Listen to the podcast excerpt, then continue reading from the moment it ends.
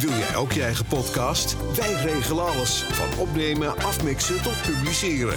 Ga naar rstaudio.nl voor meer informatie. Even iets anders. Dit is Smalltalk Podcast. Deze podcast is mede mogelijk gemaakt door RST Audio en Studio 2. Ga er maar voor zitten.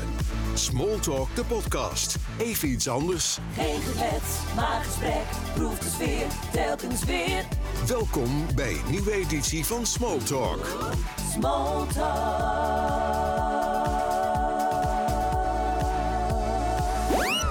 25 jaar na dato zijn ze er bijna allemaal. De man van de laatste setup, de man van de laatste klap en zelfs de commentator van toen. Nu kan hij alleen maar over het net gespeeld worden. Nu kan Nederland het afmaken. Ronzwerver. Maar nog niet. Toffoli. En dan Gianni. Nee, buiten dan ten om. Ja hoor. Nederland wint. Waar keek je naar? Ik weet dat ik naar uh, El Gore en Prins Willem-Alexander keek. Maar was dat toen ook een, een, een, een wisseling van blik? Kort, heel kort. Uh, ik heb later ook wel aan de spelers gevraagd. Heb je ook gemerkt dat uh, de prins bij ons op het veld is geweest? Gewoon niet waargenomen.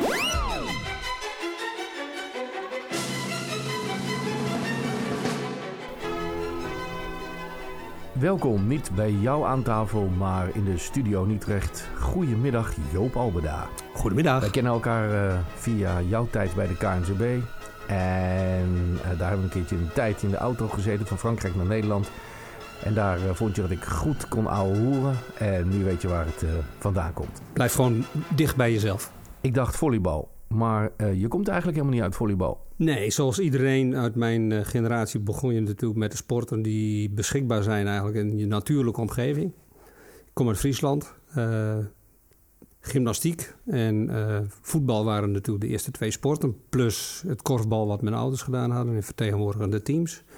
Ik heb één keer in het middenvak gestaan, dat vond ik vrij fris. Dus dat was, die kon ik afstrepen. En ik heb ergens een keer een keuze moeten maken tussen turnen, gymnastiek uh, en voetbal. Ik heb toen voor het uh, gymnastiek gekozen. Ik kwam redelijk veel ver in de Nederlandse jeugdcompetities. Ik was een keer nog top 5 van Nederland, maar dat was uiteindelijk werd ik te lang en was ik niet sterk genoeg. Dus toen ben ik op de middelbare school in het laatste jaar een klein beetje gaan volleyballen.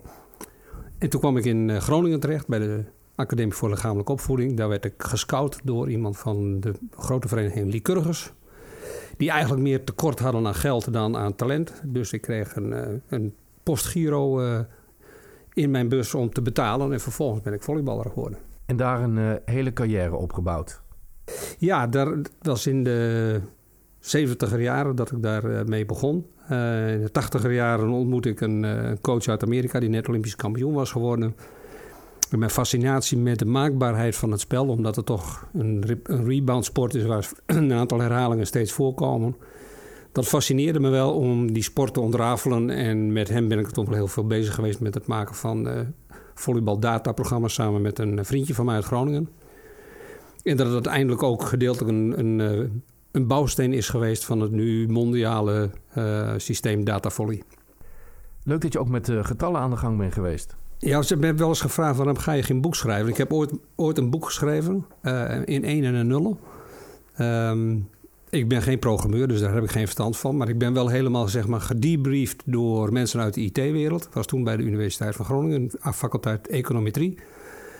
Uh, en daar hebben we eigenlijk het volleybalspel helemaal terug geanalyseerd... en uiteindelijk gebracht tot een soort default systeem. Als dit gebeurt, dan doe je dat. Als dat gebeurt, dan doe je dat. En dat was, het begon in de richting te gaan... Uh, dat als zwerver in een bepaalde opstelling zou staan en onder een bepaald niveau zou zakken, dan zou dat pro progressief als het ware werken naar winst of verlies van het team. En kreeg ik een seintje van het zou verstandig zijn om rolzwerver te wisselen. Dus dat was al een beetje voorloper van een AI-programma, kunstmatige intelligentie. En dat was aan het eind van de, 90, van de 80 jaren, toen we daarmee bezig waren. Werd toen geschreven in C. Dat was erg vroeg, ja. ja. Wordt die software nog steeds gebruikt? Nee, we hebben toen een aantal uh, modules ontwikkeld die later wel internationaal overgenomen zijn via die vriend van mij, Doug Beal. die in Milaan werkte, waar ik een aantal zeg maar, stages gelopen heb. En daar waar je dus default programma's kunt maken, dus de logische volgorde van het spel kunt doen, dan kun je alles invoeren. Je kunt ook zeggen wat is de logische volgstap en dan pas ingrijpen op het moment dat het niet zo is. En die omdraaiing eigenlijk van het programma maakt het vervolgens veel makkelijker mogelijk voor mensen om het spel helemaal te gaan volgen uh, als typewriter, als data-invoerder. Heb je in de aanloop naar de Olympische Spelen ook in training met die software gewerkt? Of was dat alleen uh, in uh, wedstrijden? Nee, het was hoofdzakelijk wedstrijden. We hadden geen vermogen om nog mensen daarvoor aan te stellen. we hadden toen een programma gemaakt, dat was eigenlijk op drie niveaus. Eentje voor het grote publiek. Dus Jan Stekelenburg, die toen normalig commentator was, die kreeg een splitscreen... waarbij aan de ene helft van het, scherm, van het uh, monitor eigenlijk het spel zich afspeelde... en in het rechtergedeelte van, het, uh, van de monitor speelde zich de statistieken af... En op een gegeven moment riep hij al: het is nu verstandig dat Albert daar Benne gaat wisselen. En vervolgens twee minuten daarna deed ik de wissel die hij voorspeld had. Dus dat maakte de journalist of de verslaggever ook beter. We hadden een versie voor zeg maar, het grote publiek via de media. En we hadden een coachversie die dan gewoon zo veel dieper in de materie ging. Om te kijken welke speler welke bijdrage had die bijgedragen had tot winst of verlies. Hoeveel jaar aan uh, data zat er in dat uh, systeem waarmee je op de spelen bezig bent geweest? En uh, kon je die data allemaal gebruiken om alles te interpreteren? Mm, uiteindelijk voor mijn eigen team was dat gewoon de laatste vier jaar wat we, wat we serieus gedaan, 92, 96. Als je tegenwoordig bij het hockey gaat kijken, staat er bij alle belangrijke wedstrijden wel een videocoach boven aan het veld.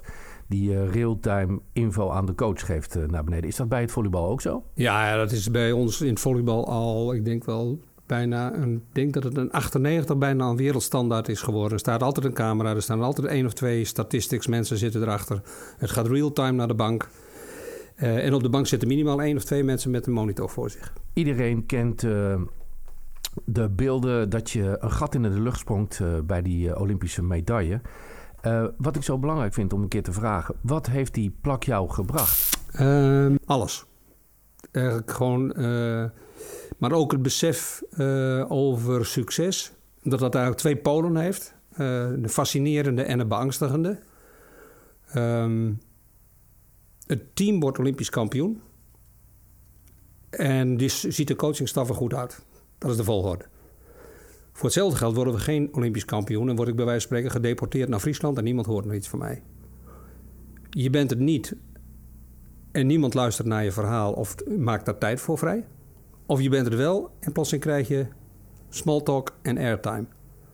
En vervolgens gaan mensen op basis van zo'n eh, gouden medaille, waar eigenlijk theoretisch ook niks boven gaat, gaan mensen geloven in een aanpak. Vervolgens wordt die aanpak succesvol omdat iedereen bereid is te volgen in plaats van te gaan, en zeker in Nederland te gaan, jamaren en discussiëren. Terwijl hetzelfde verhaal met de verliespartij niets waard was geweest. Of in ieder geval minder waard was geweest. Uh, Samarans zei na afloop uh, van de Olympische finale... Het spijt me dat ik maar 12 medailles bij me heb, want ik had er graag 24 uitgedeeld. Want deze teams zijn even goed. Nou, daar was ik het niet mee eens. Ik vond dat wij gewonnen hadden en dus hoorde die medaille bij ons. Mark Duiten heeft een boek geschreven, Drive. En daarin staat dat je van een Olympische plak ongeveer drie maanden kan genieten. Um, ongeveer dan. Ja, ja, ja ik, weet, ik weet niet. Dus zo heeft Mark dat ervaren. Uh, je kunt ook zeggen van die medaille geniet Mark nog elke dag door de positie die hij nu inneemt, die hij nooit had ingenomen als hij die medaille niet had gewonnen. Want het bijzondere verhaal maakt Mark Tuiter wie hij is zet Mark Tuiter ook op een, uh, aan tafel. Uh, maakt hem geloofwaardig. Uh, en dat vind ik dus het, de, die balans tussen dat fascinerende en het beangstigende, dat vind ik het mooie van succes. Als ik een presentatie geef, ga ik er ook maar meestal tussenin staan, want eigenlijk is voor mij één groot vraagteken. Ik weet het niet. En dat ehm, niet absoluut zeker weten is denk ik een eigenschap die je misschien als coach niet elke keer naar buiten moet leggen, maar wat uiteindelijk wel belangrijk is dat je die uh, bescheidenheid houdt. Dat je zegt van ja, ik hou van mensen, ik probeer duidelijk te zijn. En ik vergeet ook niet waar ik vandaan kom. En hoe dit zo gekomen is, wat ik nu uh, ondervind. En voor coaches, en ik heb daar onlangs nog met het NOC over gesproken, ik zou gewoon echt filosofie als een basisvak voor alle coaches aanbevelen. Meneer Alberda, sinds een aantal maanden in de wielersport. Hoe bevalt het u? Uh, nog beter dan ik verwacht had. Ik vind het uh, geweldige ambiance. Uh, grote impact die de sport heeft. Vind ik ook altijd wel leuk om daarin uh, te mogen werken. Ehm, de hele omgeving, de, de, mensen die het werk doen, de renners, de mechaniciens. Het is, een, het is een prachtige doorsnij van de hele bevolking eigenlijk. Je komt mensen tegen die eigenaar zijn tot mensen die gewoon dagelijks dit werk doen. S ochtends om 7 uur opstaan als mechanieker. En s'avonds om 11, 12 uur het licht uitdoen van de truck en dan eigenlijk nog niet klaar zijn. Ja, topsportklimaat heeft een aantal focuspunten, denk ik. Het is gericht op die omgeving die veilig moet zijn. Dus er moet vertrouwen zijn. Mensen moeten openlijk met elkaar kunnen spreken. Het tweede is dat er een um, richting is in alles wat je doet in beter worden. Dus er moet een klimaat van inspiratie zijn. Ook weten een helder doel waar je naartoe werkt. Je moet een, focus, een, focus, hebben op de prijs. Uiteindelijk gaat het daar ook om. En je moet weten dat uiteindelijk alles wat beter wordt altijd ook uh, over de as van weerbaarheid gaat. Het, het, in een zondagsfilosofie als het ware naar de prijs, dat heeft bijna nog nooit iemand overkomen.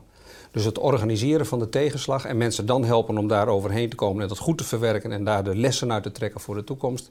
Dat zijn dus zeg maar een viertal elementen voor een topsportorganisatie. En daar moet je ook behoorlijk onwrikbaar in zijn, omdat dat de sleutelindicatoren zijn, zeg maar vertrouwen, oog op de prijs, weerbaarheid, dus herstellen na een tegenslag en een veilig klimaat om dat te kunnen doen. Dus je mag daarin fouten maken. Dat zijn wel vier belangrijke pijlers voor een topsportklimaat. In de jaren dat ik jou ken, uh, merk ik dat filosofie een belangrijke rol speelt. Maar ook bijvoorbeeld het team, de omgeving, de persoon, de weg er naartoe, maar ook het resultaat. Ja, maar kijk, de, de, de filosofie die we hadden in de jaren uh, 90, toen wij naar de Olympische Spelen gingen, was, als ik het dan in de slogan moet samenvatten: You don't win silver, you lose gold. Toen ik in 2010 bij het Cervelo testteam werkte, was onze slogan: Winning is not the only thing. Dus als de context anders wordt, moet je mensen ook anders begeleiden om succesvol te zijn. Als je in het EPO-tijdperk uh, geen EPO gaat gebruiken, maar je zegt wij gaan een eerlijke fietsploeg maken, dan weet je dat je kans groot is dat je 181 tot en met 190 wordt met je ploeg. Want de rest is gewoon sneller. Uh, maar dat kan nog steeds heel waardevol zijn als je dat afzet tegen de context van de samenleving. Zeg van dat gaan wij doen. En in 96, toen Nederland eigenlijk voor het eerst in, uh, als maatschappelijke ontwikkeling het talent niet meer alleen zag als een eindprijs, maar ook als een soort verplichting. Doe er nu maar eens wat mee. En ik denk dat we met het bankrasmodel daar de voorloper in zijn geweest. Ja, daar wordt talent een verplichting. En dan mag je dus ervoor uitkomen dat je een droom hebt. En nu moet je al bijna beginnen met uitspreken dat je een droom hebt, anders word je bijna niet meer serieus genomen. En mag iedereen ook roepen: ik ga Olympisch goud winnen. En niemand herinnert je eraan dat je dat ooit gezegd hebt. Dus die, die wereld verandert, de context verandert. Dus de aanpak van de mens in die wereld is ook elke keer anders. En dat je moet begrijpen, en dat is nu, als je het ook in een wat grotere verband eh, van de samenleving nu ziet met immigratie en dergelijke, hoe moeilijk het is voor mensen uit een andere cultuur om zich aan te passen in de Nederlandse cultuur. Wat wij dan blijkbaar allemaal vinden dat dat moet. Terwijl we als we zelf ergens naartoe gaan, dan moet de erwtensoep uh, geserveerd worden. En dan hebben we veel minder noodzaak voor ons eigen aanpassingsvermogen. Dus dat aanpassen van als coach in een sportteam naar de context van de samenleving. Wat betekent presteren nu en wat betekende presteren toen? Dan zijn er een aantal hele fundamentele dingen veranderd. In de, oude, in, zeg maar in de oude tijd was leuk. Het is niet leuk, maar het wordt hooguit leuk. En nu is het de voorwaarde. Ik wil wel een sport doen, maar het moet wel leuk zijn, anders begin ik er niet aan. Um, in die tijd was het resultaat het enige heilige. Nu hebben we sterke neiging om het proces als het ware steeds te benadrukken. Zo ver zelfs dat ik denk van nou, misschien schieten we daar wel wat in door. Je moet uiteindelijk krijg je een paar lessen van een leraar en daarna een examen. En het examen moet goed zijn, maar het proces moet ook goed zijn. Dus die weging daarin, dat is een delicaat, een delicaat pad. Uh, en daarin staat toch uiteindelijk de mens in zijn geheel centraal. En niet alleen fysiek en niet alleen mentaal, maar dat is één combinatie. En dat, is een, dat maakt dat vak, coachen, of dat maakt de samenleving voor mij zo interessant. In de voorbespreking uh, vroeg ik aan jou: ben jij nou een manager, een bestuurder of een coach? En met name de eerste, daar was je het niet mee eens. Maar toch, als ik op een afstand kijk, pak je alles wel groots aan. Je, je kijkt als coach, maar je kijkt ook naar de organisatie, je kijkt naar de medewerkers. En dan ken je natuurlijk via de KNCB. En je hebt met uh, Guus Hiddink in het voetbal gezeten en ook in het wielrennen. En zelf kom je uit het volleybal, maar je wil die stempel niet hebben. Ja, want de, kijk, de, de context van voetbal is totaal anders dan de context van roeien, bijvoorbeeld. Dus de, de sporters vanuit het roeien komen uit een bepaalde sociaal-maatschappelijke klasse. De hockeyers komen uit een sociaal-maatschappelijke klasse. De volleyballers komen uit een bepaalde sociaal-maatschappelijke klasse. Atletiek. Ehm, als je ziet dat er 3 miljoen Nederlanders zijn die niet geboren zijn in Nederland. En je kijkt naar de sport, het sportpalet van Nederland. Dan hebben we maar een paar disciplines waar we echt gewoon zien waar de samenleving in zit. Dat is atletiek. Met veel mensen uit een, met een andere afkomst. En dat is in baseball met een hele duidelijke Curaçao of de Antilliaanse uh, roots. Dat is badminton met uh, Indonesië en tafeltennis met China. Um, dat, die cultuurachtergronden die kun je niet negeren, ook niet in sport. En um, de aanpak daarvan heb ik toch altijd wel dat, dat, dat je probeert erachter te komen wat de waarden zijn van de mensen die daarin spelen. Wat is voor jou nou eigenlijk waardevol? Want ik kan iemand wel begeleiden, maar als ik niet weet wat waardevol voor hem is, zal hij elke keer zeggen van ja, dat bedoel ik net niet. Dus de waarden die een organisatie heeft, of dat nou ambitie is, nieuwsgierigheid, uh, um, intensiteit van het beleven, dus de echte de fundamentele, het, vuur wat brandt. Um, zo hadden we bij het Cervelo testteam hadden we die waarden op de broek gezet. En daar stond op Unite, samen, Sacrifice, opofferingsgezindheid. Het moest innovation zijn, want dat was wel een behoorlijk innovatieve groep. En aan de binnenkant van dat shirt hadden we honesty gezet. Dus elke keer als je je shirt aantrekt, kom je de eerlijkheid tegen. Maar in die tijd was dat nog niet echt een slogan om op je borstkast te plakken, want daar, de wielrenner stond nogal een beetje onder verdenking van uh, misbruik van.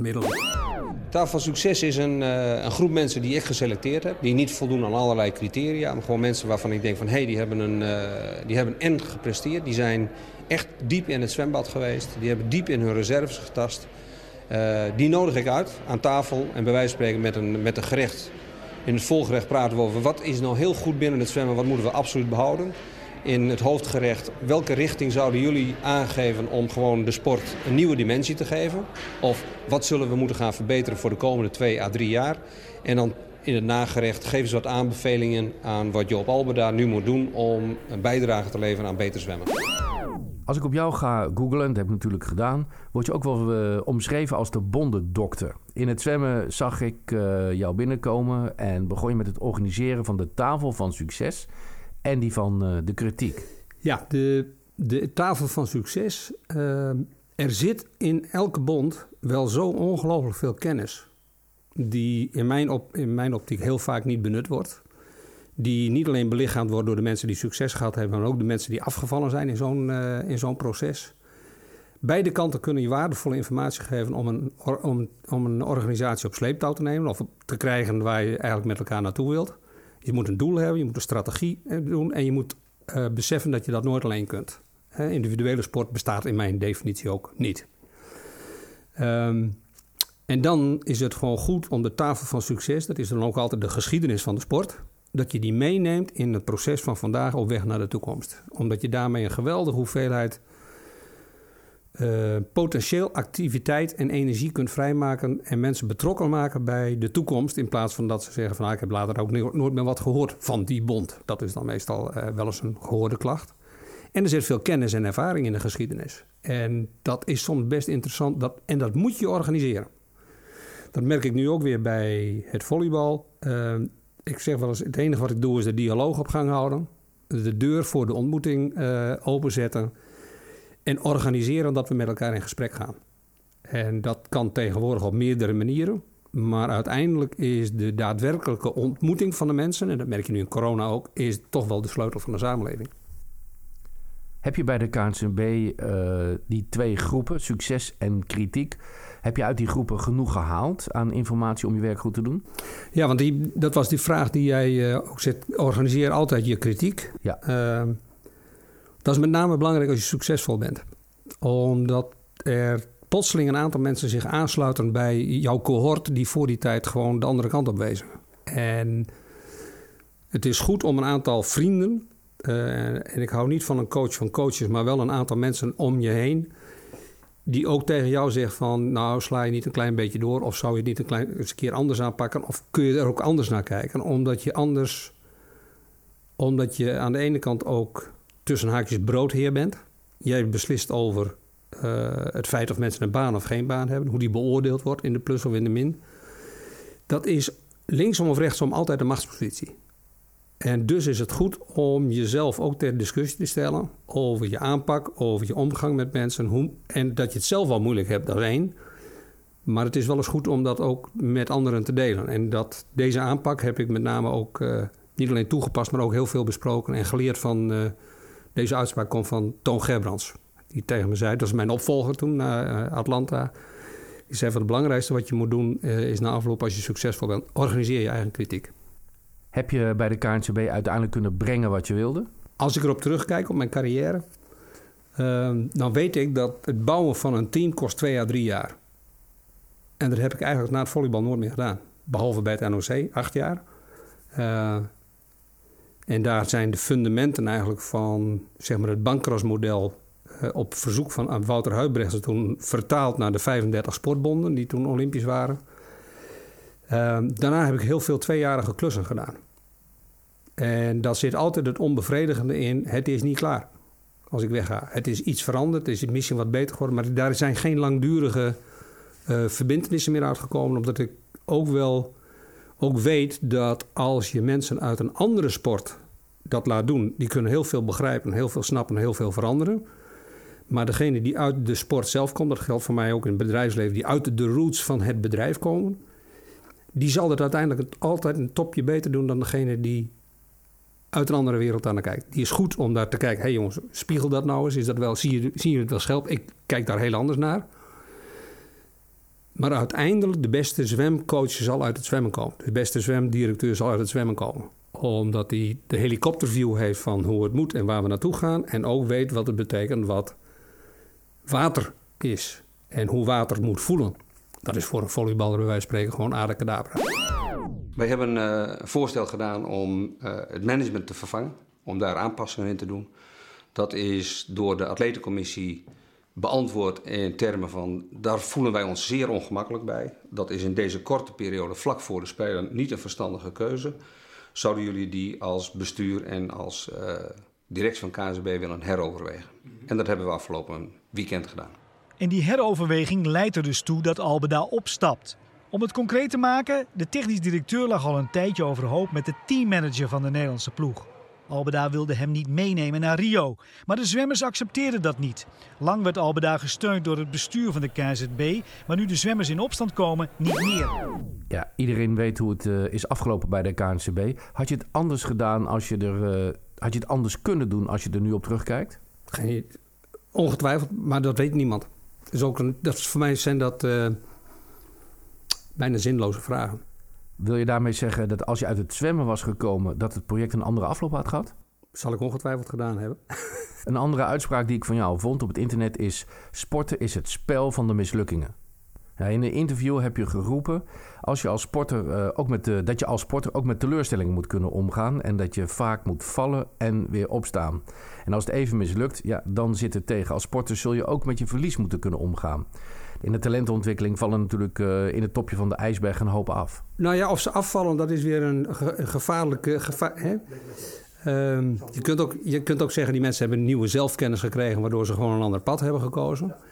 Als je even terug naar die tafel van succes, als je succesvolle mensen debrieft na afloop van hun carrière, zullen ze allemaal, bijna allemaal aangeven dat ze een carrière switch of een aanpak switch of een mindset verandering hebben gedaan op het moment dat het een keer tegen zat. En dat kan verlies van relatie zijn, dat kan verlies van je ouders zijn, dat kan een traumatische ervaring ergens mee zijn, dat kan ook een verliespartij zijn die je zo duidelijk met de neus op de feiten heeft gedrukt dat je denkt van, oh, is dat trainen? Ik dacht dat ik hard trainde, maar ik doe eigenlijk helemaal niets. En dat soort, uh, dat soort ervaringen, uh, moet je eigenlijk koesteren. Misschien moet je het zelfs als coach wel een beetje arrangeren. Ik laat jou struikelen op het moment dat het mij goed uitkomt in jouw carrière. En daarna help ik je opstaan. Want de relatie tussen spelers en sporters en de coaches wordt met name bepaald op het moment dat het fout gaat. Ga je dan iemand helpen om weer op te staan? Meer dan wanneer je bij het Wilhelmus erbij staat. Dan zijn er genoeg anderen. Een andere uitdaging van jou sluit mooi uh, hierbij op aan. En dat is een uh, interessant, namelijk de ronde tafelgesprekken bij NL Coach. In de tijd moest ik van Titus Mende gewoon naartoe, omdat hij vond dat je bij die NL Coach bijeenkomsten uh, gewoon veel wijzer werd en een hoop kon leren van anderen. Ja, we zijn toen, dat is in 2006 geweest, toen met een bijzonder groepje coaches bij elkaar gezeten in Karel V in Utrecht. Uh, Toon Gerbrands, Jan Reker, Roland Altmans, Henk Kraaienhof, Cor van der Geest en Jack Ori. En we zeiden, we moeten een leuke avond hebben. Het mag maximaal 50 euro, of ja, 50 euro per persoon kosten. En aan het eind van de avond willen we wat bereikt hebben of we stoppen ermee. En toen was, werd de Nederlandse Federatie voor Werkers in de Sport werd opgeheven. En wij zeiden van, nou, dan heten wij NL Coach. We dienen gewoon een aanvraag in bij VWS. En we gaan een belangenorganisatie voor coaches oprichten. Maar met name om eigenlijk te doorbreken uh, dat hele systeem van uh, diploma's. Uh, die, rel, of die, die reeks van je mag pas het volgende diploma halen als je het vorige diploma afgerond hebt. In een wereld waar het internet ons alle kennis eigenlijk gratis geeft. Dat mensen daar misschien wat minder goed of beter of minder mee omgaan, dat is wat anders dan dat je de kennis mensen moet onthouden. En zou het niet fantastisch zijn dat als de wijze waarop Van Gaal uh, mensen toespreekt, of een team toespreekt en van een groep individuen een team maakt, dat dat gewoon bij een ouder die met F'jes toevallig aan de lijn staat, daar gewoon een besef is dat hij daar iets van kan meepikken wat niks kost. Hoeft hij niet voor op cursus te gaan. Dat een compliment een kind veel meer laat groeien dan uh, bestraffen. En als je wel wilt bestraffen, dat er heel andere manieren voor zijn dan een tik geven, een pedagogische tik of gewoon strafrondjes lopen. Dat dat gewoon helemaal niets te maken heeft met leren. Nou, dat soort principes die in de sport ook uh, heel helder naar voren komen, wilden wij eigenlijk daarmee doorbreken. En we hadden een soort ideaal van, nou, NL Coach wordt het ver, hetzelfde als uh, psychologie. Dat is een blad wat uiteindelijk met 200.000 in de schappen van alle winkels ligt. En als mensen op vakantie gaan, dan nemen ze het blad NL Coach mee. Omdat ze gewoon willen weten, hoe kan ik met mijn kind omgaan? Welke tips hebben En ik leer van Louis Vergaal, Marco van Basten, Cor van der Geest, uh, Jack Ori, hoe die dat doen. Nou ja, dat hebben we niet gehaald. ik vind het wel jammer, want het blad is uh, fantastisch leesvoer. Ja, het is nog voor iedereen nog steeds vast lees, leesvoer. Uh, je krijgt in Nederland dan wel direct de discussie. Maar ja, maar jullie doen het alleen maar met de topsportcoaches. Jullie moeten het ook voor de brede sportcoach doen. Ja, die ken ik niet. Uh, die, en wij hadden wel het idee van ja, de inspiratie voor dit soort bijeenkomsten en het lezen van artikelen komt toch van zeg even, de groten van de sport die op een bepaalde manier eh, in sport tegen weerstanden aanlopen, hun eigen mislukking met ons delen, uh, hun eigen twijfel met ons delen, experts die er iets van vinden. En dat, zoals ik daar naar dat, blad kijk, wat, nog steeds, uh, wat we nog steeds uitgeven, ik ben er nog hoofdredacteur van samen met, met nog iemand. Ja, daar staat heel veel in waarvan ik denk van nou, is gewoon goed om te lezen en vervolgens te reflecteren. Want uiteindelijk zijn de grote talenten ook daar zijn degene die nieuwsgierig is, die bereid is om te leren en degene die kan reflecteren op zijn eigen handelen. Wel jammer, want het is een heel goed blad. En, uh, zeker voor coaches die willen leren en ook talentcoaches. Ja. Uh, er staan mooie verhalen in van hele ervaren coaches. Nee, en de, de, de, de theoretische onbereikbaarheid van zeg maar, de, de, de medaillewinnaars van het grote goud ja, die moet je gewoon dicht bij de mensen brengen. Want wij zijn niks anders dan iedereen met onze twijfels, met onze tegenslagen, met ons privéleven, met ons werkleven. Uh, met onze zorgen of is er wel voldoende geld of kunnen we het wel voor elkaar krijgen? Mogen we wel naar dat toernooi? Wat gebeurt er als we slecht presteren? Heb ik dan nog wel werk in Nederland waar gewoon voor bijna alle sporten gewoon geen alternatief emplooi is dan de sport zelf? Dat is dan gewoon een. En met name in, uh, in teamsport, dat is een ongelooflijk groot probleem. Kan uh, een coach die nu luistert nog lid worden van uh, NL Coach? Ja. De hoogste tijd om het eens te gaan hebben over Joop zelf. En dat doen we met de plaat en zijn verhaal. Het is tijd voor het leukste liedje. Zet me lekker hard. Op rock of gouden ouwe. Speciaal voor jou. Kom maar op met je verhaaltje. Zetten wij het liedje klaar. wat anders. Smolten voor jou, de bladen het verhaal. De eerste plaat op je lijstje. Last Resort van de Eagles. Ja, ehm, ik volg de Eagles al jaren. Eh, uh, ben heel vaak naar de concerten van hun geweest. Ik ben onder de indruk van eh, de, de, de, twee kanten van de Eagles. Eh, als ze samen spelen is het geweldig. En een van de opmerkingen die ze maken... We never broke up, we just took a 14-year vacation. Er waren vijf mannen die allemaal met een eigen apart vliegtuig... naar een land gaan. Vijf aparte hotels, 15 aparte limousines... en gewoon uiteindelijk bij Ahoy komen... en dan samen gaan spelen op een manier waarvan je denkt van... wauw. En van Close Harmony tot... Uh, ja, symboliseert dat nummer wel een beetje van... dat zijn voor mij de Eagles.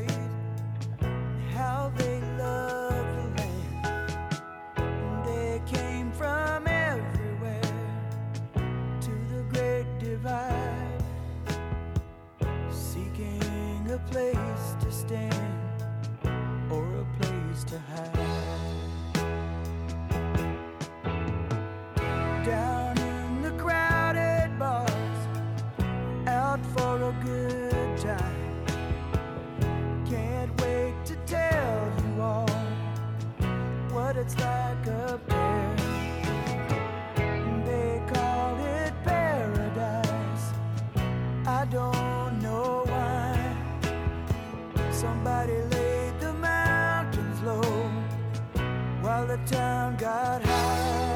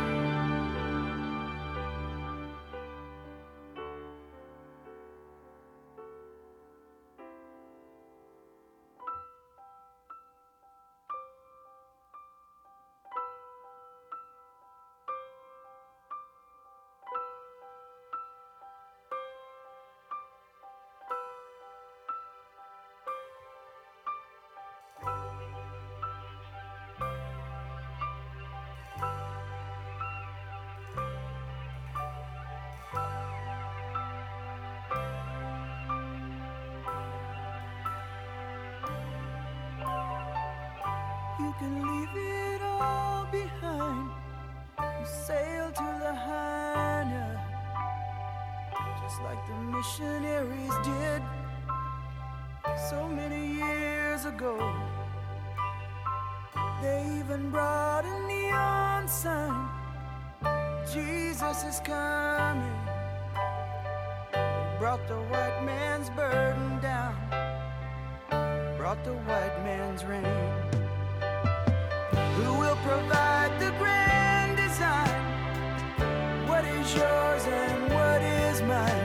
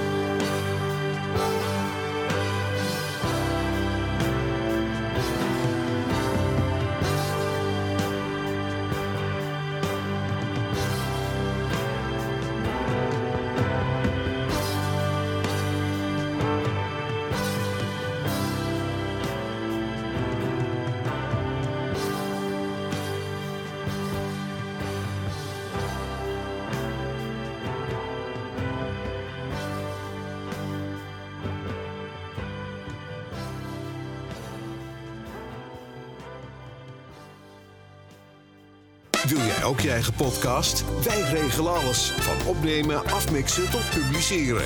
Ga naar rstaudio.nl voor meer informatie. Zo, en dan nu even tijd voor een kopje thee. Ah, lekker. Even bijkomen. Mijn oren staan te klapperen. We gaan zo weer verder.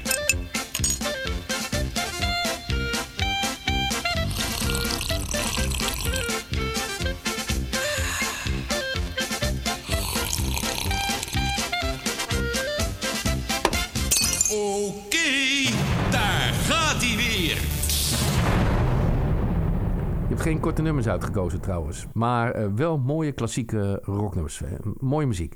Volgende op je lijstje is eh, Sailing to Philadelphia van Mark Knopfler. Ja, ik, heb, ik hou van Dire Straits. Ik ben wel een beetje van... Ja, het is een beetje klassieke rock of alles, alle muziek die erin zit. Het is voor mijn gevoel muzikaal verantwoord. Het past gewoon bij elkaar. Het is rond, de muziek. Het is niet hoekig en, en zeg maar van de, de hip-hop periode. Komt natuurlijk uit mijn, uit mijn jeugd.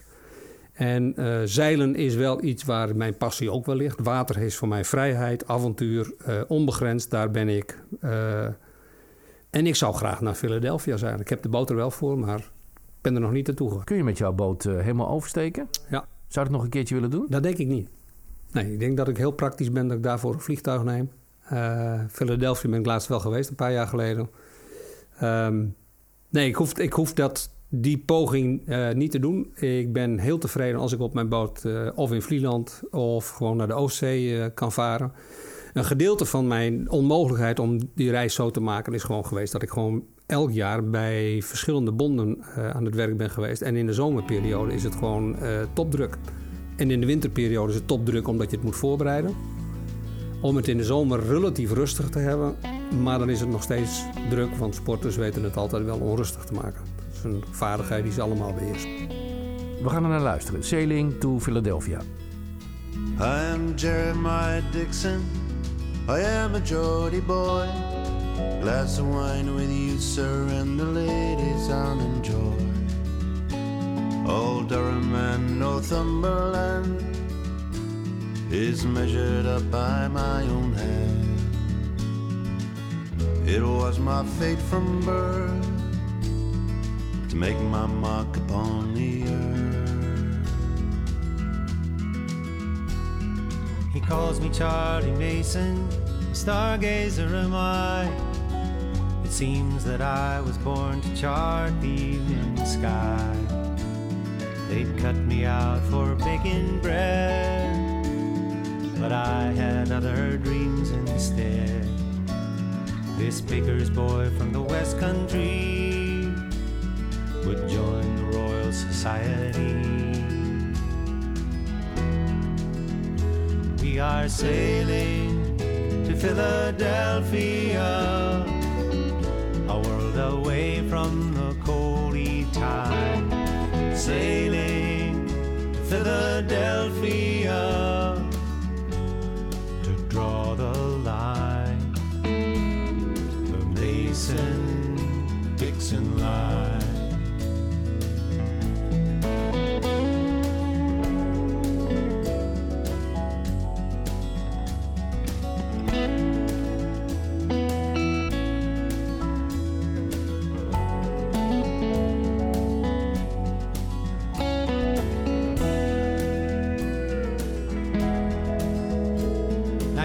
surveyor, Dixon, but I swear you'll make me mad.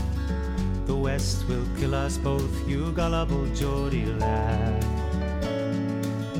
You talk of liberty, how can America be free? A Geordie and a baker's boy in the forests of the Iroquois. Now hold your head up, Mason. See America lies there. The morning tide has raised the capes of Delaware. Come up and feel the sun.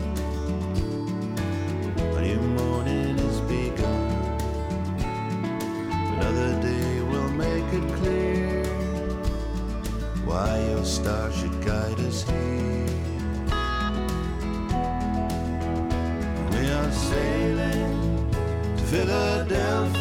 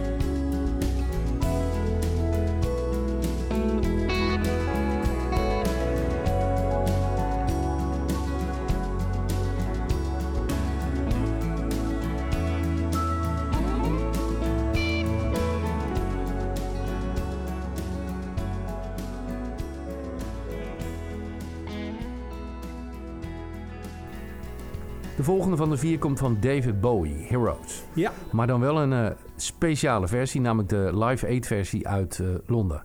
Ik denk ook dat dat komt ook. Het is A, een hele speciale uitvoering. Eh, ik heb hem laatst nog een aantal keren bekeken. En ik weet ook nog waar ik. Hè, dat was Live Aid, is iets waar je weet ongeveer waar je was toen dat gebeurde. Dus ik, had een, ik woonde op een tjalk. Die had ik zelf gerestaureerd. Op elektriciteit nou, had ik alles zelf gedaan. Masten maken, zwaarden maken. En ik had een windmolen.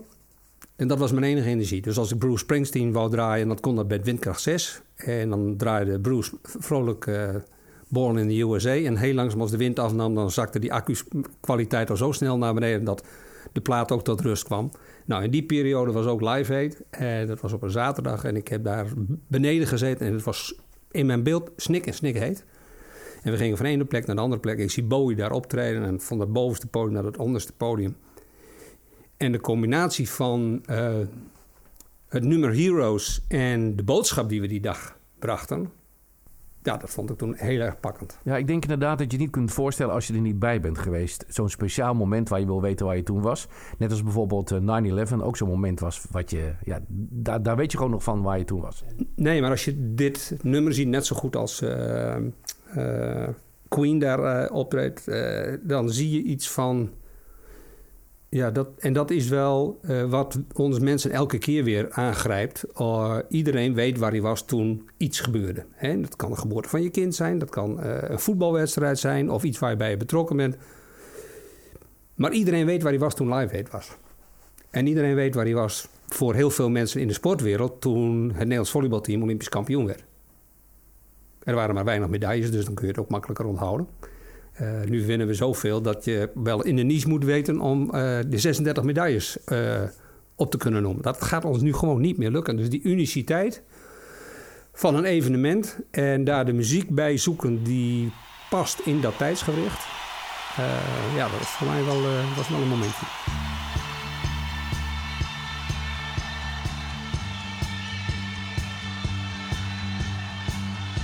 I'd like to thank and introduce my band who got together so quickly to do this show for me. I'm forever in their debt. Lead guitar, Kevin Armstrong. Bass guitar, Matthew Seligman. On percussion, Pedro Ortiz. On drums, Neil Conti. On saxophone, Claire Hurst. And on vocals, Helena and Teresa Spring. And on synthesizers and keyboards, the very brilliant Thomas Dolby.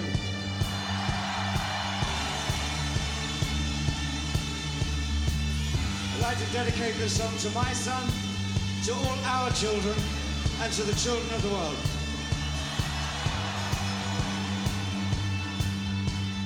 I, I could be king, and you. You could be my queen. For nothing could drive them away. Or we could beat them Just for one day. We could be heroes Just for one day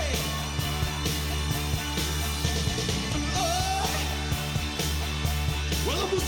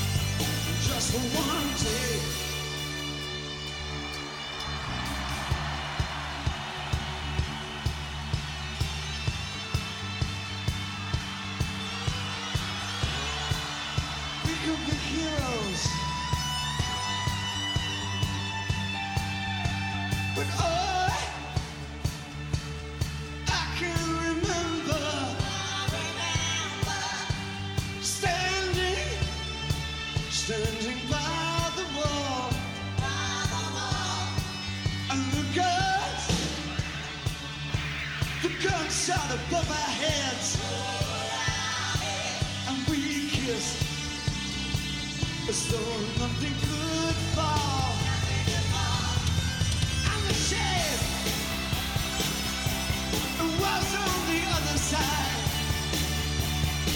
How we could be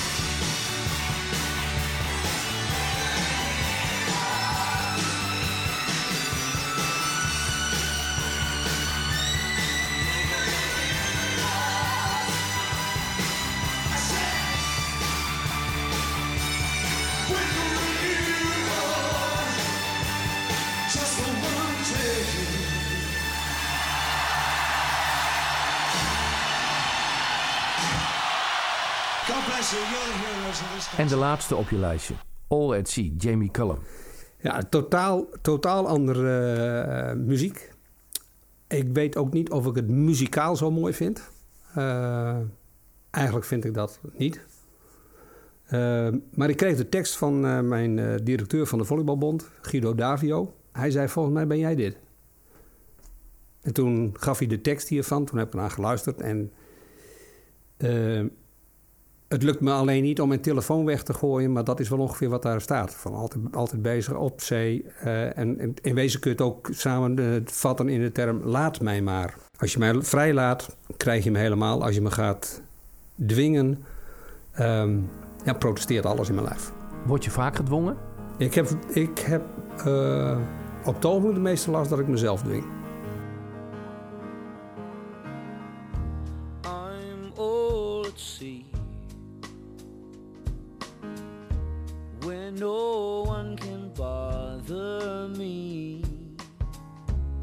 Or guard my roots.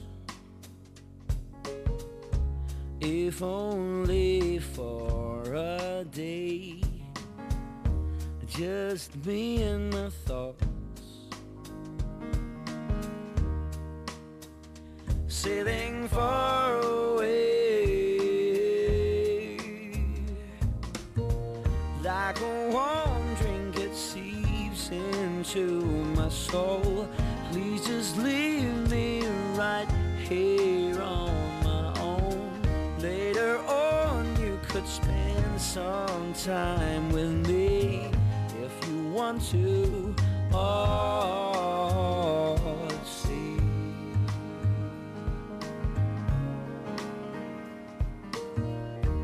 I'm old sea where no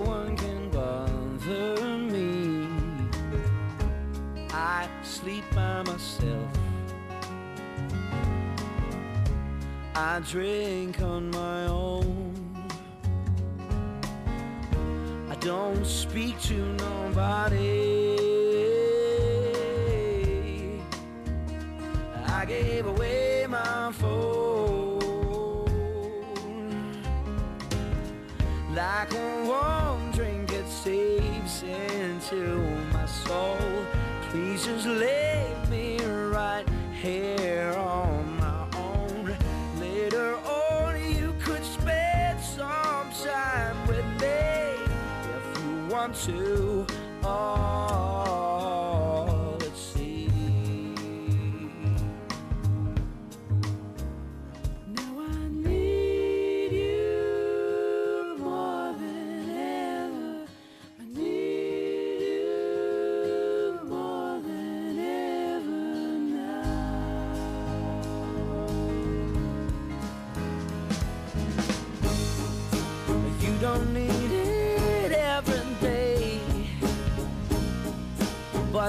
Sometimes don't you just crave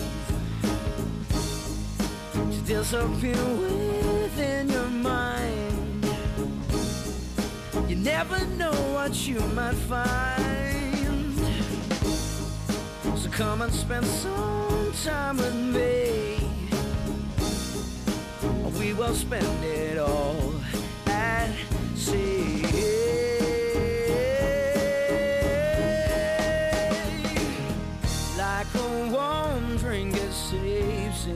Into my soul.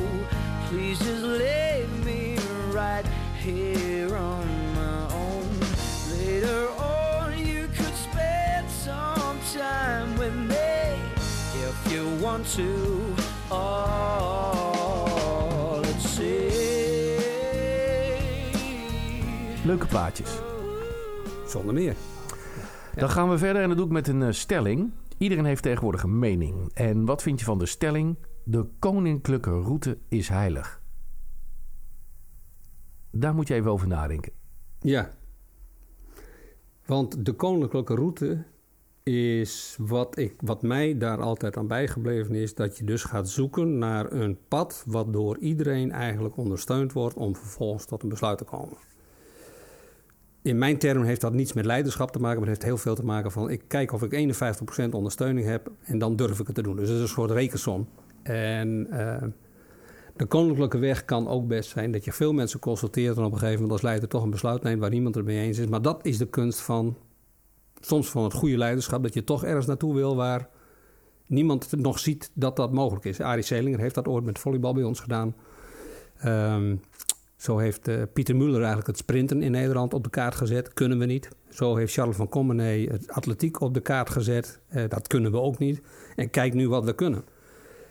En dan zijn toch altijd mensen, heb je nodig, die als gangmaker eh, gewoon zeggen: Ik heb kennis van een bepaald domein, we gaan daar naartoe. eh, en vertrouw mij maar dat het goed komt. En soms duurt dat gewoon vijf tot tien jaar. Wij hebben er met volleybal tien jaar over gedaan. We zijn in 2001 met baseball begonnen. Die werden elf jaar later wereldkampioen. We zijn met waterpolo begonnen. Die zijn tien jaar later olympisch kampioen geworden. En zo zijn er dus heel veel takken van sport waar we in geïnvesteerd hebben. En in tien jaar, baanrennen, kun je er ook zo op, short track, kun je ze allemaal achter elkaar noemen. Waarbij dus blijkbaar in, in een aantal takken van sport met gedurfd leiderschap heel veel valt te bereiken. Nu wordt er zoveel gewonnen dat het, dit is nu geen discussie meer. Dit is een discussie geweest uit de 90 jaren 2000 toen presteren nog steeds een beetje onder druk stond. We zaten nog een beetje van echt van het laatste stukje van de flower power beweging. Een 5,6 is goed genoeg. Die kletsen we wel tot, die verhogen we naar 5,8. Dat wordt wel afgerond op een 6. En dan, dan zijn er belangrijke dingen in het leven. En nu slaat het soms wel wat door dat alleen presteren telt. En dat er tussen bijna geen ruimte meer is. En dat je dus nu op school krijgt dat er heel veel kinderen min of meer bezwijken onder de druk van ouders, de samenleving, hun peers. En he- heb je dus een totaal nieuw evenwicht gekregen om daarmee om te gaan. Ben je van mening dat we te zijn geworden in Nederland? Nou, het is uh, waar ik zo net zei over de begeleiding van kinderen. Dat heeft, en coaches heeft, niet zoveel, heeft net zoveel te maken als de opvoeding van ouders met kinderen. Die zijn ook gewoon tijdelijk coach. En laten ze in toenemende mate los naarmate ze ouder worden. Eh, de zorgvuldigheid tussen de balans tussen wat een kind zelf wil en kan en datgene wat de ander daar oplegt om maar te moeten willen, dat kan in, eh, in, laat zeggen, in de maatschappelijke tijd van nu, waarin presteren ook gekoppeld is aan economische welvaart, kan heel makkelijk doorslaan. En eh, waar wij met elkaar eh, heel veel aandacht aan moeten besteden, is, dan de, ik noem, dat, het dan maar de influencers van een persoon. Daar speelt op het ogenblik zoveel meer druk vanuit de buitenwereld dan er ooit geweest is. Door social media, door alles wat ze gewoon op internet zien, door wat ze op tv zien, wat ze gewoon in de, in de, in de small talk en in de grapevine horen.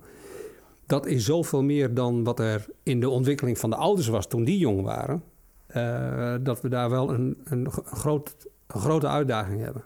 Um, kinderen vinden voor een heel groot gedeelte hun eigen weg wel. Zoals mijn weg ook in, toen ik jong was, uh, nou, op 17 ben ik gewoon ontsnapt aan thuis. Ik, wou, ik kon het zelf wel. Ik loop niet in zeven sloten tegelijk. Mij hoef je niet aan de hand te houden. Nou, dat is eigenlijk nog steeds zo. um, dus wat dat betreft kun je zeggen, ik heb mij weinig ontwikkeld in de afgelopen uh, 50 jaar. Of heel veel? Nou ja, maar weet je, dat, dat, uh, ik vind het fascinerende, al die verschillende momenten in de samenleving en het voorrecht wat ik gekregen heb doordat ik met een team goud gewonnen heb, dat ik vervolgens verticaal door de samenleving mag. Dus ik mag met de koning spreken, uh, en ik mag met de pomphouder spreken, en ik mag met de werklozen spreken. En dat is wel een heel groot voorrecht. Dat, dat je zo verticaal door de samenleving mag. Um, want normaal gesproken ga je eigenlijk gaan heel veel. Ga je horizontaal door de samenleving, spreek je met je collega's, met de mensen die het met jou, die evenveel als jij verdienen, die uh, dezelfde signatuur hebben die jij hebt. En waar je bijna in de werkende mensen komen bijna geen werkloze mensen tegen. De mensen uit de uh, witte sport komen zelden mensen uit de gekleurde sport tegen. Tenzij je in basketbal of in baseball of een andere sporten zit waar dat de cultuur weer is, waar is juist die andere kant weer minder voorkomt. En het spannende van een samenleving, samen leven, samen werken, samen spelen, is die verticale as. Die horizontale as interesseert me eigenlijk helemaal niet zoveel. Ik vind het niet interessant. Welk, welk niveau het ook is. Is altijd per definitie na verloop van tijd saai. En dus door mijn brein uh, vraagt steeds om die vernieuwing om ergens anders te gaan kijken. Daar waar ik nog niet geweest ben. Bewegen, het nieuwe normaal. Ja, meneer Alberta, u bent uh, initiatiefnemer van dit, uh, dit uh, manifest. Maar we weten eigenlijk natuurlijk al best wel lang dat bewegen goed voor ons is. Dat is dus niet nieuw. Waarom nu dit manifest? Nou, we, we hebben in 2014 met Guus en Louis en Johan Cruijff destijds hadden we een hetzelfde manifest klaarstaan om dat in Nederland te positioneren. Omdat we vinden dat er gewoon de bewegingsachterstand steeds groter wordt. Nu word je bijna 70. Staan er nog dingen op je bucketlist? Zo ben je in op één geweest met het project Bewegen het Nieuwe Normaal. Wat een belangrijk onderwerp is tegenwoordig met de COVID. En ook in de tegenwoordige maatschappij zou dit volgens mij veel meer aandacht moeten hebben. Ja, nou, dat is, ja, als je dan zegt met bucketlijst. Uh, het gekke is, wij hebben dat met eh, Louis van Gaal, Erik Scherder, Epke Zonderland, uh, Bas van der Goort, Sarina Wiegman, uh, Guus en Louis gedaan. Wij zaten binnen een week bij minister Van Rijn in een tijdsgericht waarop het sportbeeld op tv op zwart stond. Om aandacht te vragen voor het belang als een gratis medicijn voor corona en andere immuniteitsvraagstukken. Namelijk bewegen. Al 40 jaar doen wij alsof het hoofd en het lijf nog steeds van elkaar gescheiden zijn. Dat heeft Descartes veroorzaakt en we geven gewoon veel intellectueel onderwijs en we doen een klein beetje aan bewegen. Dus die totale mens, waar Louis het vaak over heeft, is het gereedschap waarmee wij met elkaar door de wereld gaan. En als we op termijn de zorg betaalbaar willen houden en we willen het onderwijs ontzorgen, dan is, zijn die 24.000 sportclubs in Nederland misschien wel het meest gratis instrument wat de overheid heeft om dat te professionaliseren als een soort voorzorg voor zorg. Als een gratis medicijn. Dat de overheid weigert dat eigenlijk te zien. Uh, we hebben wel voor elkaar gekregen dat voor het eerst in de geschiedenis eigenlijk de vijf departementen met elkaar moeten samenspreken op een motie van Lilian Marijnissen. En dat is uh, economie, uh, werkgelegenheid, sport, zorg en onderwijs. Dat is al heel bijzonder. Daar had 1 april al een plan moeten liggen wat sport opbrengt en wat we er in de toekomst mee gaan doen. Eh, door de problematiek van de wereld vrees ik dat het helemaal naar de achtergrond gaat glijden. Ehm, dat is wel iets wat op een bucketlijst staat, wat ik samen met die, zeg, die iconen, die andere zes, ehm, waar ik graag iets zou willen nalaten, bij wijze van spreken, dat je elkaar zegt, we hebben toch als nalatenschap gewoon van onze eigen carrière gezegd van, goh, we zijn weer terug waar we in de 70 jaren slanke kinderen die het leuk vinden om bewegen, die elke, elke dag gewoon buiten spelen, buiten een ravot, uit bomen vallen. Want nu hebben we de takken weggehaald. Uh, dus het is zo veilig geworden dat het fysiek onveilig wordt, namelijk dikke mensen. Um, en die, liggen bij, die hebben onderliggend lijden en die zijn veel kwetsbaarder. En dat is in sommige gevallen onvermijdelijk, omdat dat gewoon ja, in het DNA of in de erfelijkheidsstructuur zit. Maar het is voor een deel ook, ook daarin weer uh, leiderschap. Gaan wij voorop als land door te zeggen: wij gaan gewoon een vitale en gezonde samenleving organiseren. Die ook ambitieus is en kan competitive is in de rest van de wereld. Of krijgen we de tweedeling? En de crisis heeft, alle crises in de geschiedenis hebben aangetoond dat de e-, economieën uit elkaar vallen. Dat de rijke mensen overblijven en arme mensen. En als het crisis is, worden de rijken alleen maar armer. De armen worden nog steeds armer. Dan krijg je tussen fitte en niet fitte mensen en hoog opgeleid, laag opgeleid. En sport is een, op zichzelf weer een uniek domein om de boel bij elkaar te houden, zou Job Cohen, zou Job Cohen zeggen. Dat merk je als het Nederlands voetbalelftal speelt, dan worden wij eventjes samen één. Het ontbreken van sport, af vorig jaar met corona, heeft ook zo aangetoond dat we elkaar zo missen eigenlijk. En hoe belangrijk we het vinden om met elkaar te huggen en met elkaar feest te vieren en een drankje te drinken. En daarin is de maatschappelijke waarde van sport onomstotelijk aangetoond. Uh, zonder dat er concurrerende beelden waren. Uh, we hebben dat in 2014 ook geprobeerd samen met Johan Cruijff, uh, Louis en, uh, en Guus. En toen werden we gestoord door de opkomst van IS en MH17 valt. en dat zijn veel belangrijker maatschappelijke issues dan op dat moment sport is. En dit moment was voor ons echt moment, nu moeten we iets gaan doen. Dus dat is nog steeds eentje die, die staat. Uh, zou ik morgen weer oppakken. En dat doen we nog steeds wel een beetje op de achtergrond. Ja, en dan heb ik altijd nog wel wat andere dingen die ik wil gaan doen. Nog even terugkomend op de corona en de sport. Voor mij het leukste uit de sport, de talentontwikkeling, heeft volgens mij flink te lijden gekregen met de corona. De clubs lopen leeg, terwijl we het in Tokio super hebben gedaan. Met uh, volgens mij de meeste medailles ook. Waar gaat het nieuwe talent vandaan komen? Um, ja, ik weet, ik, ik heb onlangs een interview of een uh, onderzoek gelezen waarin bleek dat mensen gemiddeld juist meer zijn gaan sporten. Omdat de binnensporters gingen allemaal naar buiten. Die gingen fietsen en wandelen en andere activiteiten doen. Dat mensen gemiddeld iets meer hebben gedaan. Dat was niet mijn beeld. Uh, waar talent vandaan komt is natuurlijk altijd een hele bijzondere vraag. Eén ding weten we zeker, dat bijna al de sporters die succesvol zijn geweest op de Olympische Spelen zijn ergens uit een vereniging gekomen ambitie woont overal. Goede coaches wonen overal, maar we weten niet op welke plek dat precies is. En het goede van dat systeem is dat het blijkbaar toch gebeurt. Ergens zijn ze dus in staat om boven te komen. De Arno Kamminga's in het zwemmen, uh, Sifan Hassan bij de atletiek. Van Arno weet ik dat hij jaren gezwommen heeft bij Brechtje van der Pluim. Voordat hij bij Mark Faber in het High Performance Center is gaan zwemmen. Dus Brechtje heeft wel echt serieus uh, een mooie prestatie neergezet. Absoluut. Het is ongelooflijk dat, dat zo'n jongen... En ik heb hem toen even helemaal in, aan de zij hoorde ik zijn naam en uh, zijn schoolslagkwaliteiten. En zo zijn er altijd weer nieuwe. Dus op het moment dat wij als uh, organisaties en als bonden maar accepteren dat mensen overal vandaan kunnen komen, niet bevooroordeeld zijn, het kan alleen maar bij mij. Ook accepteren dat sommige mensen andere routes lopen uh, en dat niet veroordelen, maar gewoon zeggen van, goh, het is interessant wat er gebeurt. Als het misgaat, is de rest van je leven bedoeld om het te herstellen. Nou, jonge mensen hebben dan zoveel tijd. En die unieke kwaliteit, uh, laten we er ook wel zijn, dit, wat wij gepresteerd hebben in Tokio is onwaarschijnlijk. Wij hebben heel veel loodjes waar we prijzen mee konden winnen. Die, heel veel van die prijzen zijn verzilverd. Uh, er zijn een aantal grote landen hebben we achter ons gelaten. Ik denk dat het NOC onder leiding van Maurits Hendricks de structuur heel goed overeind heeft gehouden. Dat de topsport door kon gaan toen, toen het land stilviel. Daarin hebben wij op heel veel landen een geweldige voorsprong gemaakt die dat niet voor elkaar hebben gekregen.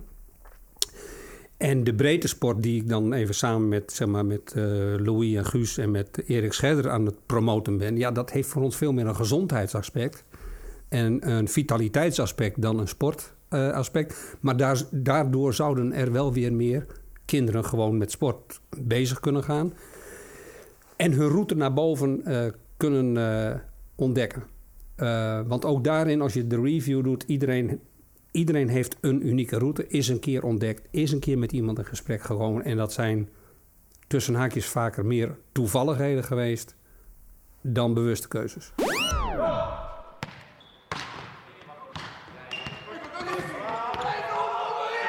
Nou, we zijn uh, weer bij elkaar gekomen met de mannen- en de vrouwenploeg. Die uh, zich voorbereiden op het Olympisch kwalificatietoernooi in begin januari. En als ik naar de training kijk en ik vergelijk dat eigenlijk met de binnenkomst van de ploeg, zeg een eh, maand of uh, zeven geleden, dan zie ik aan beide kanten dat het niveau gewoon gestegen is. En dat we het beleid om te kijken of we de spelers bij de juiste clubs kunnen krijgen, waar ze spelen, waar ze in een betere competitie spelen, waar ze met goede coaches spelen en een goede topsportomgeving. Dat het lijkt dat dat wat rendement heeft opgeleverd. Ja, het belangrijkste voor mij nu is gewoon op mijn handen te gaan zitten. Ik geef het over aan professionele coaches uit Italië, professionele coaches uit Nederland, Marco Klok en Henk-Jan Held. Uh, een grote staf rondom de teams en professionele spelers uit het buitenland. Ja, op een gegeven moment is het ook helder. Het doel is helder. Uh, het is dichtbij, dat focust ook altijd prima. Dat uh, laat gewoon allemaal discussies en vergaderingen achterwege. Het is nu goed eten, goed slapen, een frisse kop krijgen en een fit lichaam. Daar komt een nieuwe service van Maret Balkenstein. Het is Duitsland dat toeslaat via Louisa Liepman. Nederland is uitgeschakeld. We hadden één doel deze week en ja, nu komt het heel hard aan geëmotioneerde. Floortje Meiners was dat als laatste. Joop Albedaar, technisch directeur Volleybalbond. Uh, kun jij eens schetsen hoe groot de ontgoocheling was na afloop? Wat heb je nee, gezien? Die, die kun je niet in woorden schetsen, omdat daar een heel groot gedeelte van in gevoel ja. zit. Uh, deze meiden hebben allemaal uh, veel goede prestaties geleverd. Spelen bij professionele clubs in Italië en, uh, en Turkije. En zijn op het moment dat het eigenlijk moest gebeuren gewoon niet in staat geweest om het beste van hun spel te laten zien. Mijn laatste vraag. Waar zien we Joop Albeda volgend jaar en de jaren daarop? Nou, volgend jaar zit ik op de tribune bij het WK volleybal van de vrouwen. En ik hoop dat we het laatste weekend uh, in het Gelderdoom 42.000 toeschouwers hebben om dat aan, aan, te schouwen. Het is wel een heel bijzonder project. Projectje van een kleine 25 miljoen wat we toch naar Nederland gehaald hebben. Dat gaat zeker door. Um, en over een paar jaar, ik zou het niet weten. Um, er komt wel een periode waarin je zegt van... God, nu is mijn operationele werk wel klaar. Daar ben ik... Uh, ja, ik ben 70. Er zijn ook jongeren die gewoon ook uh, de ruimte nodig hebben die ik ook inneem. Dus die ruimte ga ik weggeven. Dus daar reken maar niet op dat er iets bijzonders gebeurt nog. Nee, over een paar jaar. Bewegen het nieuwe normaal is uh, volgens mij best bijzonder.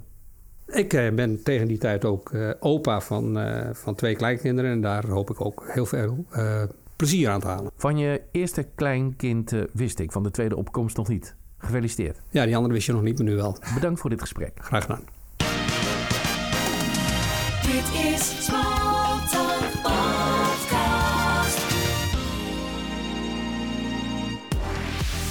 jij een vraag of onderwerp voor Smalltalk? Mail naar podcast@smalltalkradio.nl.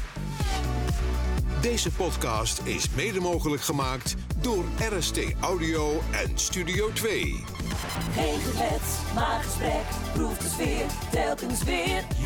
Smalltalk, de podcast. Even iets anders. Wil